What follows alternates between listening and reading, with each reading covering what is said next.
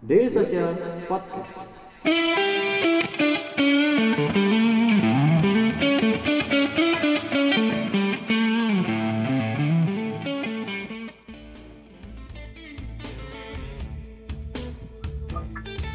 Uh, kemudian Mas Jonathan ini kalau dari Coinworks sendiri uh, apa sih yang sudah dilakukan uh, dan kolaborasi seperti apa yang sudah diambil untuk membantu uh, penanganan dampak corona ya, terutama kepada para penggunanya. Boleh di-share, Mas? Kalau dari kita memang ada, berba, ada beberapa, uh, kita kan stakeholders kita juga lumayan banyak ya, ada dari segi media, ada dari segi peminjam, dari segi investor. Yang pertama dari segi peminjam di Coinworks itu sendiri kita melakukan satu campaign yang kita sebut namanya local support lokal. Nah, di mana uh, pernah kita melakukan bantuan atau melakukan donasi itu tidak selalu melulu berhubungan dengan uang. Padahal sebenarnya kita punya satu aset yang bisa dipakai untuk bantu bisnis di mana pun. Makanya kita bikin local support lo kan hanya perlu mendonasikan IG story-nya kalian dengan memposting jualan-jualan atau uh, bisnis-bisnis yang sudah terdaftar di dalam website uh, localsupportlocal.id. Dengan begitu kalian sebenarnya sudah berkontribusi untuk membantu bisnis mereka bisa dapat market yang baru. Dengan bisnis mereka bisa jalan, mereka bisa berjualan, itu uh, udah membantu banget karena mereka udah stay at home, udah nggak bisa ngapa-ngapain salah satu caranya adalah membantu bisnis secara uh, berjualan secara online. Nah itu yang kita juga uh, salah satu cara kita untuk bantu teman-teman di bisnis uh, di bisnisnya kita. Dan dari segi investornya kita mitigasi apa sih uh, yang yang memang kita lakuin seperti tadi, tadi saya cerita kita make sure asetnya mereka tidak hilang dengan cara memberikan relaksasi dana tersebut dan uh, kita make sure juga sebenarnya dengan semua pinjaman yang masuk ke Coinworks sudah melewati uh, risk scoring kita dan kita sudah benerin semua risk scoring kita sesuai dengan tren yang ada di uh, COVID-19 ini. Uh, tadi menarik sih mas yang soal apa uh, dari cara Coinworks untuk bantu teman-teman pengguna yang uh, di masa sulit ini ya dengan cara yeah. membantu promosikan tuh boleh itu mas di sharing ada mungkin ada satu dua cerita yang uh, lumayan ternyata berdampak banget ketika setelah dibantu. Oh ya, sebelum Mas uh, Jonathan jawab, mungkin uh, mau ingetin juga sekali lagi buat teman-teman dari yang sedang uh, menyaksikan Salsa Startup ini, boleh langsung di uh, apa kalau ada pertanyaan, boleh langsung dituliskan saja di kolom komentar. Nanti bi kita bisa kumpulkan, bisa ditanyakan langsung. Thank you. Oke, okay, Mas. Oke, okay, jadi uh, dengan kita membuat campaign tadi sebenarnya impact-nya apa sih? Kita melihat sebenarnya uh, cukup banyak impact adalah mereka yang bisnisnya um, yang fast moving. Jadi biasanya ada bentuknya makanan atau um, uh, apa susu dan yang lain-lain. Nah itu sangat kebantu sekali karena dengan mereka punya uh, sekarang bisa melakukan delivery yang tadinya mereka nggak bisa cuma bisa jualannya ke sekitar sekarang mereka bisa delivery ke seluruh Indonesia. Nah, hal itu dibantu oleh uh, postingan dari uh, partner-partnernya kita di lokal support lokal sehingga mereka tetap bisa pembayaran uh, di cicilannya mereka. Tadinya mereka udah udah berat sekali untuk melakukan uh, cicilan. Nah, itu yang kita bantu sebenarnya. Dan kita melihat uh, memang digital is the only way to um, ini sih grow sebenarnya di zaman di zaman COVID-19 ini. Jadi kita juga mengajarkan mereka semua untuk uh, benar-benar uh, bermain di aset digitalnya mereka. Uh, uh, Mas Jonathan tadi kan udah cerita uh, dengan apa strategi-strategi mitigasi dan lain-lainnya untuk uh, membantu para baik dari lender ataupun borrower. Uh, hmm. Ini boleh di kasih tahu nggak sih mas ke teman-teman nih dari Coinworks sendiri itu sebenarnya uh, siapa saja sih yang dapat restrukturisasi pinjaman dari uh, Coinworks? Mm-hmm. Oke, okay. kalau dari kita memang uh, untuk bisa mendapatkan pinjaman restruktur tersebut uh, tidak semata-mata semua orang bisa dapat ya.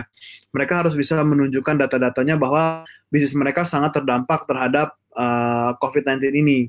Contohnya adalah misalkan mereka uh, secara revenue sangat turun sekali, uh, biasanya ditunjukkan dengan bank statementnya mereka dan uh, misalkan sebelumnya mereka punya offline store habis itu memang offline store tidak bisa dibuka. Nah, itu merupakan suatu alasan-alasan yang valid untuk kita memberikan relaksasi dana tersebut. Jadi memang ya, nggak semuanya bisa dapat. Harus menunjukkan uh, data-data yang valid juga. Jadi kita harus melakukan reassessment juga terhadap bisnisnya. Berapa, seberapa sih kemampuan yang mereka bisa bayarkan di uh, masa restrukturnya tersebut. I see. Oke, okay. Mas ada udah ada pertanyaan nih Mas dari uh, audience dari Diningsi. Oke. Okay. Uh, pertanyaannya setelah menggeluti bidang P2P selama hampir 4 tahun, inovasi dan produk apa yang akan ditawarkan Coinworks tahun ini?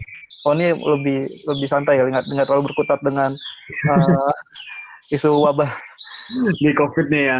Oke, okay, kalau uh, kalau di Coinworks sendiri sebenarnya fitur apa aja? Mungkin tadi saya cerita sedikit juga dulu Coinworks um, waktu itu gue awal-awal di join di Coinworks itu as a P2P lending kita jalan mungkin sekitar dua setengah tahun sampai tiga tahun kita running as a P2P lending di sana dan uh, behavior yang kita lihat adalah orang itu dia itu punya banyak sekali uh, aset dan liabilities di sini liabilities itu adalah bentuknya biasanya pinjaman, kartu kredit, dan yang lain-lain.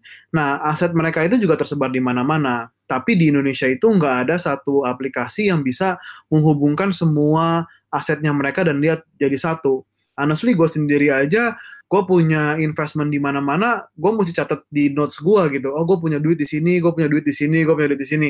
Susah banget gitu, dan gue nggak bisa lihat sebenarnya uh, se sebaik apa gue melakukan diversification, nilai akhirnya sebenarnya berapa sih yang gue dapat itu gue masih nggak lihat. So Works melihat satu behavior itu kita uh, build satu aplikasi yang makanya kita sebut namanya super financial app di mana aplikasi tersebut bisa mengakses semua uh, investment produk yang ada di dalam dan dijadikan satu. Dan kita menyediakan satu portfolio yang lebih komprehensif supaya si pengguna bisa tahu sekarang gue punya investment tuh hasilnya apa sih secara keseluruhan habis itu kit gue punya investment tuh ada di mana aja berapa persen. Misalkan gue punya nanti di um, P2P gue punya di robo lending gue punya di misalkan uh, gold saving dan yang lain-lain gitu. Dengan kita bisa lihat the whole spektrumnya kita akan tahu sebenarnya gue kalau mau uh, ah, gue mau lebih beresiko ah tahun ini karena mungkin gue punya income lebih besar. Gimana cara gue shift gue punya uh, aset atau portfolio. Atau gue bilang oh gue kayaknya mau ngumpulin duitnya lebih aman karena nggak akan mau fokus untuk bermain investment. Nah seperti apa uh, kita bikin um, kita punya portfolio? Nah itu yang kita bangun sebenarnya di Coinworks dan digabungkan dengan pinjaman juga. Jadi as a business itu bisa melakukan pinjaman dan nggak tertutup nggak tertutup kemungkinan bahwa bisnis tersebut itu punya saving yang bisa diinvestasikan juga karena bisnis itu nggak bilang bahwa bisnis selalu pinjaman, pinjaman, pinjaman, nggak juga. Sebagai bisnis pasti punya reserve cash yang dia mau save juga. Nah, di situlah kita bisa bantu bisnis untuk uh, full-fledged mereka punya financial services. Ini ada, udah ya, udah kayak bank sih sebenarnya jadinya. super financial apps banget ya.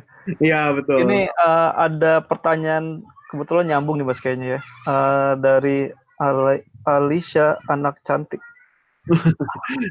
apakah Coinworks juga bisa uh, mungkin berperan sebagai payment gateway gitu? Berapa fee-nya? Itu pertanyaannya, Mas. Payment gateway ya. Kalau sampai saat ini Coinworks belum bisa sih menjadi payment gateway karena jujur aja kalau di Indonesia secara regulasi uh, berbeda-beda ya, beda-beda rumah gitu sebenarnya. Kalau payment gateway itu masuknya ke ranahnya teman-teman di Bank, Bank Indonesia. Kalau Coinworks kan sebagai P2P lending dan uh, financial services kita masuknya di OJK. Um, even sampai saat ini pun kita secara pembayaran dan secara uh, deposit dan itu kita masih menggunakan teman-teman di perbankan. Nah, makanya dari awal uh, kita juga kerjasama sama bank dan kita selalu bilang sama bank bahwa we are not competing each other, tapi we are complementing si bank untuk punya aset kelas yang baru dengan P2P lending ini sebenarnya di mana sebelumnya mereka nggak belum tentu punya eh, peer-to-peer lending aset class gitu. Tapi tetap semua kegiatan escrow, semua kegiatan transfer dana dan yang lain-lain itu kita masih menggunakan miliknya si perbankan. I see. Dek, ngobrol yuk. Ngobrolin apa, Bang? Ngobrolin startup bareng media sosial.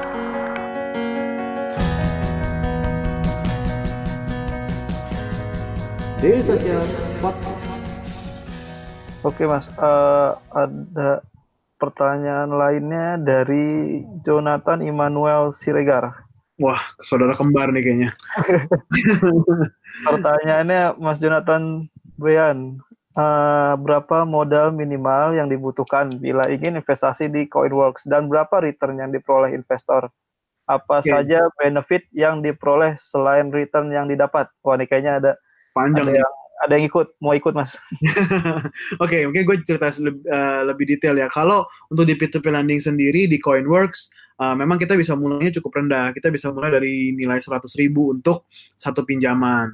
Nah, tapi sejujurnya uh, kita selalu menyarankan adalah start small, grow big. Karena tadi kan gue juga cerita bahwa untuk memitigasi resiko caranya gimana? Caranya adalah melakukan diversifikasi. Diversifikasinya itu ke berapa banyak? Kita harus melakukan ke minimal 100 pinjaman. Kalau kita hitung-hitung aja 100 ribu dikali 100 pinjaman itu nilainya 10 juta. Nah, jadi kita menyarankan sebenarnya dalam waktu 2 sampai 3 bulan ke depan kalian bisa masukin di Coinworks tuh sampai 10 juta supaya bisa didiversify. Nah, itu yang kita sarankan untuk mulai memang bisa mulai dari 100 ribu. Nah, apa sih yang kalian bisa dapat dengan invest di Coinworks? Yang pertama memang uh, direct impact-nya adalah return. Return yang kalian bisa dapat semua tergantung kepada uh, yang kalian berikan dana. Kalian bisa masuk itu ada grade A sampai grade E, itu beda-beda uh, return-nya tergantung dengan resiko yang kalian pilih. Nah, uh, kalau mau ngomong rata-rata aja kisaran ya, itu di 2019 rata-rata usernya kita itu dapat 18,32 persen per tahun. Jadi kalau kalian masuk Coinworks, berharap kalian juga dapat tidak jauh dari rata-rata uh, average dari usernya kita. Benefit apa lagi sih kalian bisa dapat pada saat kalian bermain di Coinworks? Sebenarnya dari dulu kita bangun Coinworks dari awal itu mungkin kalau kita cerita ya sebenarnya uh, Coinworks itu ada singkatannya zaman dulu.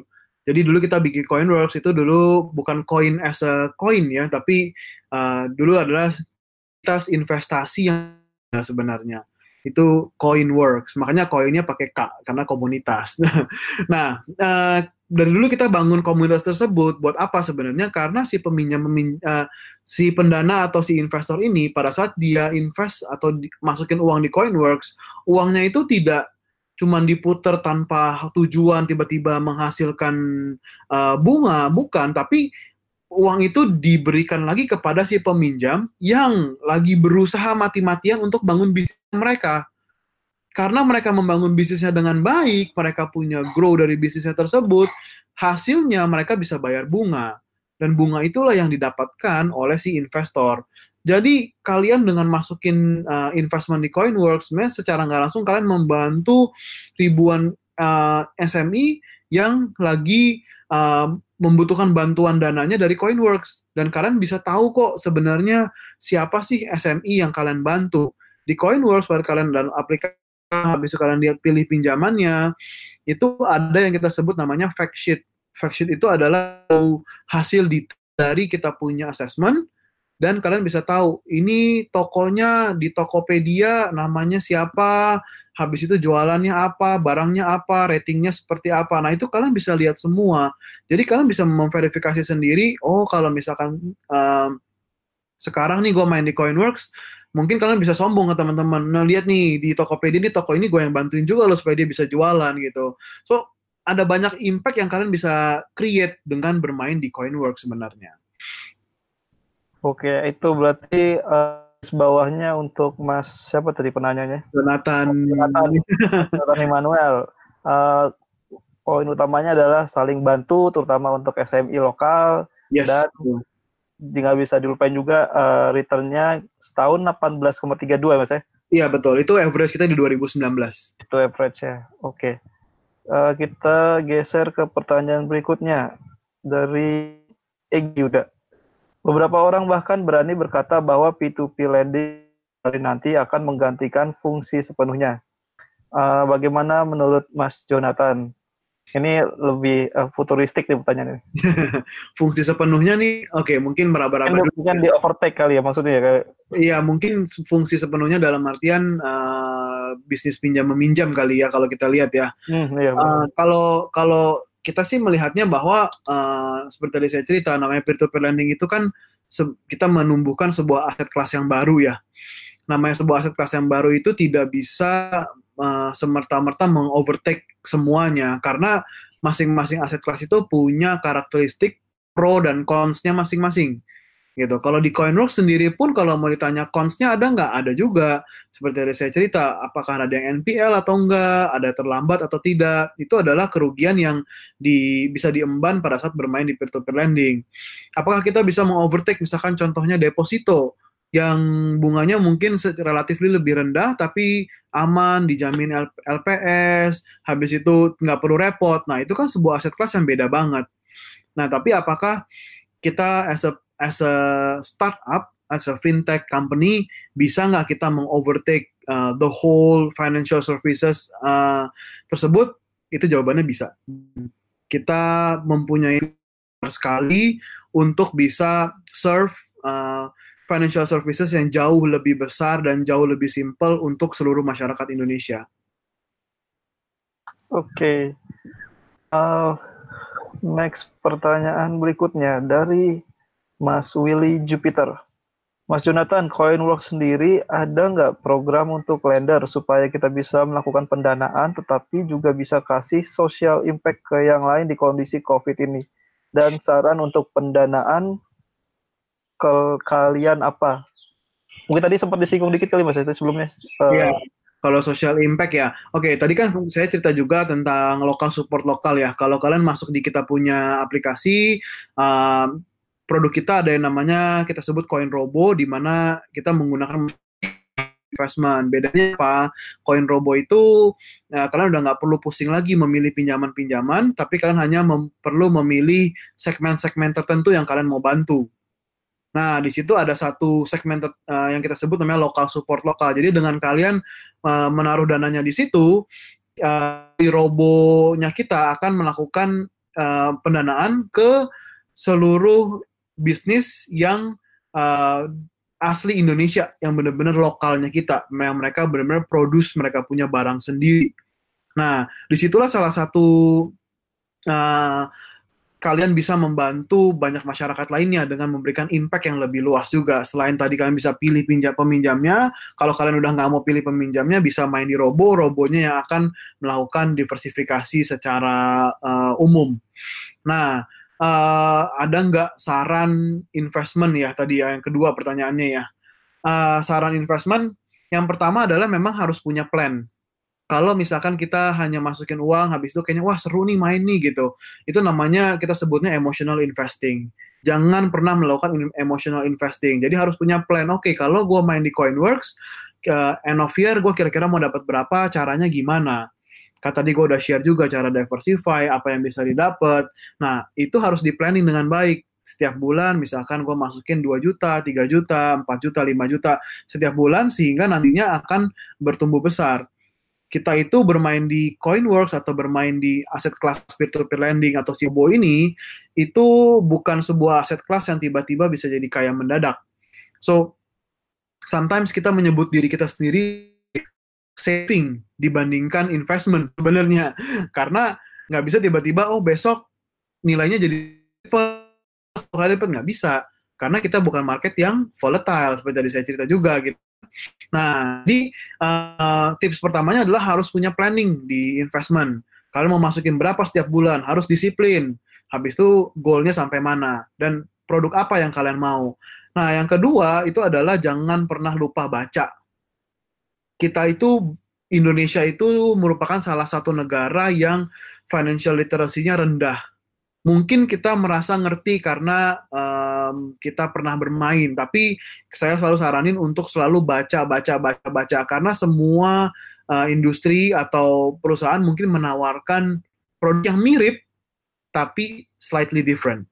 Nah, itu harus kita harus baca juga seperti apa jangan sampai kita uh, ekspektasi kita dengan apa yang diberikan sebenarnya berbeda. So jangan lupa baca, make sure kita baca dan kita tahu gimana cara maksimalin platform tersebut. Nah, yang ketiga adalah karena kita udah baca, kita harus lebih pintar sebenarnya. Karena biasanya setiap platform, setiap industri itu pasti punya tips and trick gimana caranya kalian bisa memaksimalkan sistemnya mereka. Seperti di Coinworks contohnya adalah ya kalau kita punya auto purchase, tadi kan kayak kita ngomong untuk diversify kalian perlu harus 100 pinjaman.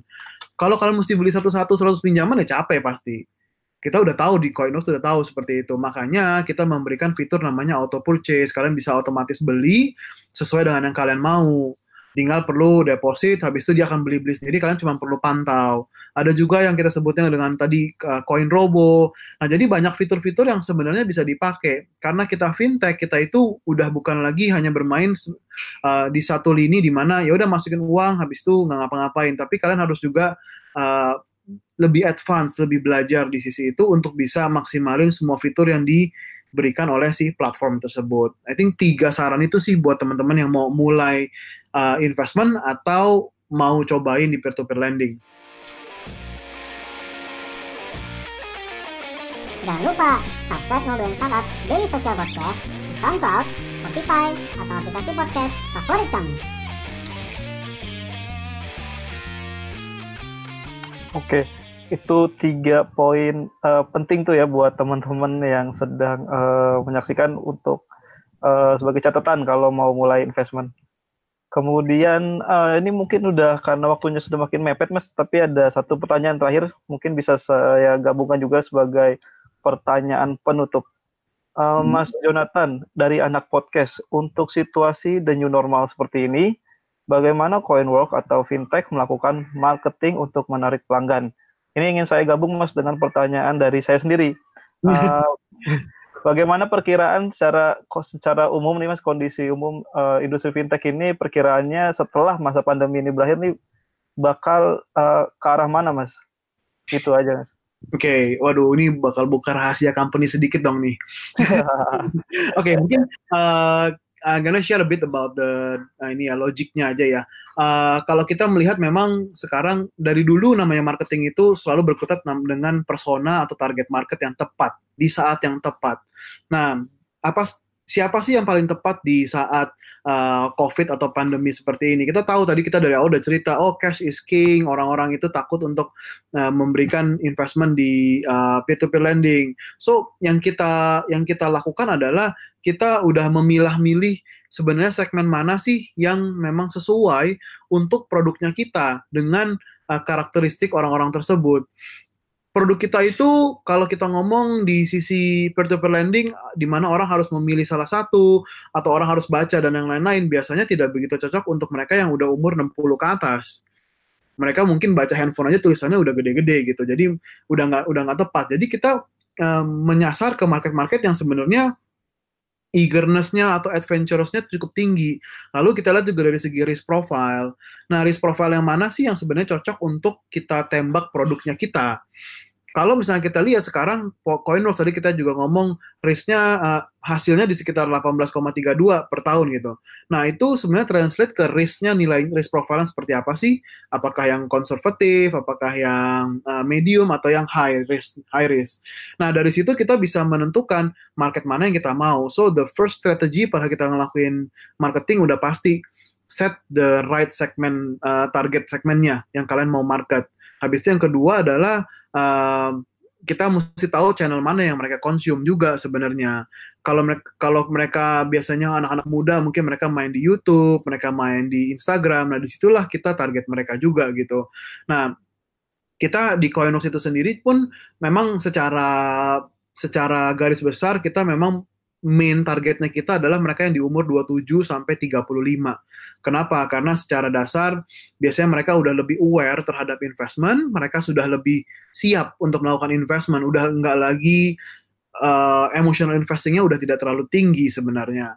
Nah dari situ juga secara um, apa mereka udah punya pekerjaan yang lebih stabil juga, di mana kita juga nggak mau padahal mereka cuma punya dana terlalu sedikit, akhirnya mereka tidak diversify, ujung-ujungnya mereka tidak bisa bermain secara full di peer, di peer lending itu juga sayang sebenarnya.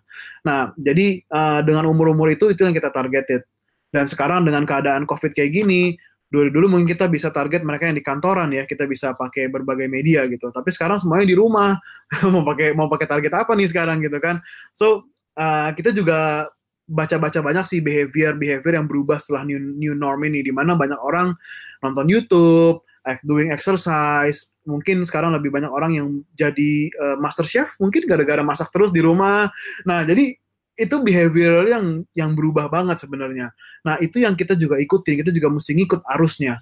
Nah, di situlah marketing kita kita masuk juga untuk provide uh, more uh, relevant content kepada mereka. Nah, second question adalah apa sih yang terjadi setelah post COVID ini? Memang kita udah punya banyak uh, spekulasi lah terhadap nanti post covid ini seperti apa dengan belajar juga dengan kita punya uh, investment networknya juga lumayan besar kita belajar dari US belajar dari Brazil India Cina um, kita sih selalu melihat bahwa memang covid ini bisa uh, bisa selesai dalam waktu yang tidak terlalu lama dalam artian mungkin di after lebaran tapi yang kita takutkan adalah memang kemungkinan terjadi second wave karena tadi saya cerita juga penyebaran COVID ini yang terlalu mudah itu yang membuat orang jadinya sebenarnya takut untuk ke mana-mana. So ada fase-fase di mana kita recovery, ada second wave, baru benar-benar clean. Nah di saat itulah uh, sebagai perusahaan kita melihat bahwa ada strategi-strategi untuk kita defensif, ada strategi-strategi untuk kita jadi agresif juga. So uh, pick your pick the right battle sih buat masing-masing bisnis. Kalau kita melihat di Coinworks sendiri, di saat keadaan kayak gini, kita bisa menang untuk segmen yang cukup uh, yang niche. Karena tadi saya cerita banyak investment um, investment market yang lagi turun karena um, tadi stok lagi jatuh, oil lagi jatuh, gold lagi mahal, nah, semua orang kan pasti akan sulit untuk masuk di sana gitu kan. Nah, di situlah kita masuk juga sebenarnya. Kita bisa mengarah ke segmen yang yang yang niche. Nah, di situ kita bermain tapi kita tidak perlu harus sampai menyerang ke yang lebih membabi buta, yang lebih secara umum karena keadaan lagi nggak baik juga kan sekarang dan banyak orang yang tidak ready untuk uh, melakukan investment, mereka lebih terkadang melakukan uh, keep aja uangnya. Nah itu sih yang akan terjadi di CoinWorks dan uh, subsequently setelah kita udah lebih aman, tetap balik lagi ke semua misinya kita, kita mau make sure semua bisnis yang udah berjalan sama Coinworks itu tetap bisa survive dan kita kita akan uh, ngajak mereka untuk bisa ngelewatin si pandemi ini. Karena kita percaya bahwa semua bisnis yang melewati pandemi ini itu bisa jump atau bisa terbang gila-gilaan setelah pandemi karena mereka udah ngelewatin one, one of the hardest part sebenarnya di, di, di sisi bisnisnya mereka dan mereka bisa belajar semua itu bisa bisa bertahan habis itu mereka bisa jump sebenarnya. Nah itu yang kita mau bawa sampai uh, mungkin end of year kelihatannya ya baru benar-benar uh, recover. Oke, okay. uh, kalimat terakhirnya tadi uh, penuh motivasi dan harapan mas dan ini kayaknya tepat banget sih buat teman-teman uh, pengusaha terutama yang UKM ya ketika masa-masa uh, sulit ini masih iya. berlangsung yeah. agar uh, semuanya bisa tetap bertahan dan justru malah kemungkinannya bakal uh, lompat gila-gilaan di Betul. di akhir tahun ini.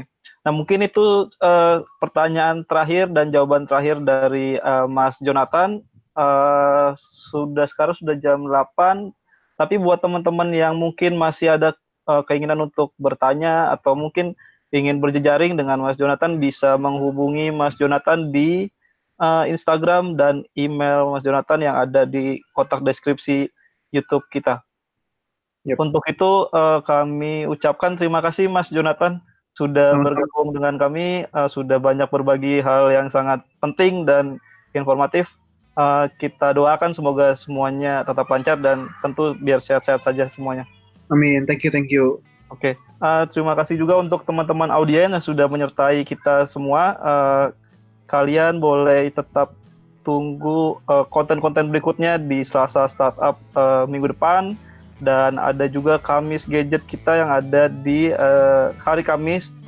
Terus uh, kemudian kalian juga bisa menemukan kita di tentu saja di, di dailysocial.id serta platform media sosial kita baik ke Twitter, Instagram, Facebook dan YouTube. Oke, jadi akhir kata uh, saya ucapkan terima kasih kepada semua yang terlibat. Uh, sampai jumpa di kemudian. Thank you, bye.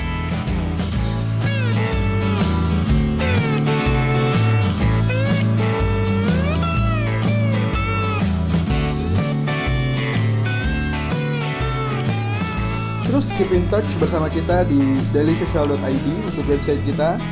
Di Facebook kita ada dailysocial.id, di Twitter kita ada @dailysocial dan di Instagram kita ada @dailysocial.id. Di LinkedIn kita ada Daily Social dan di YouTube kita ada Daily Social.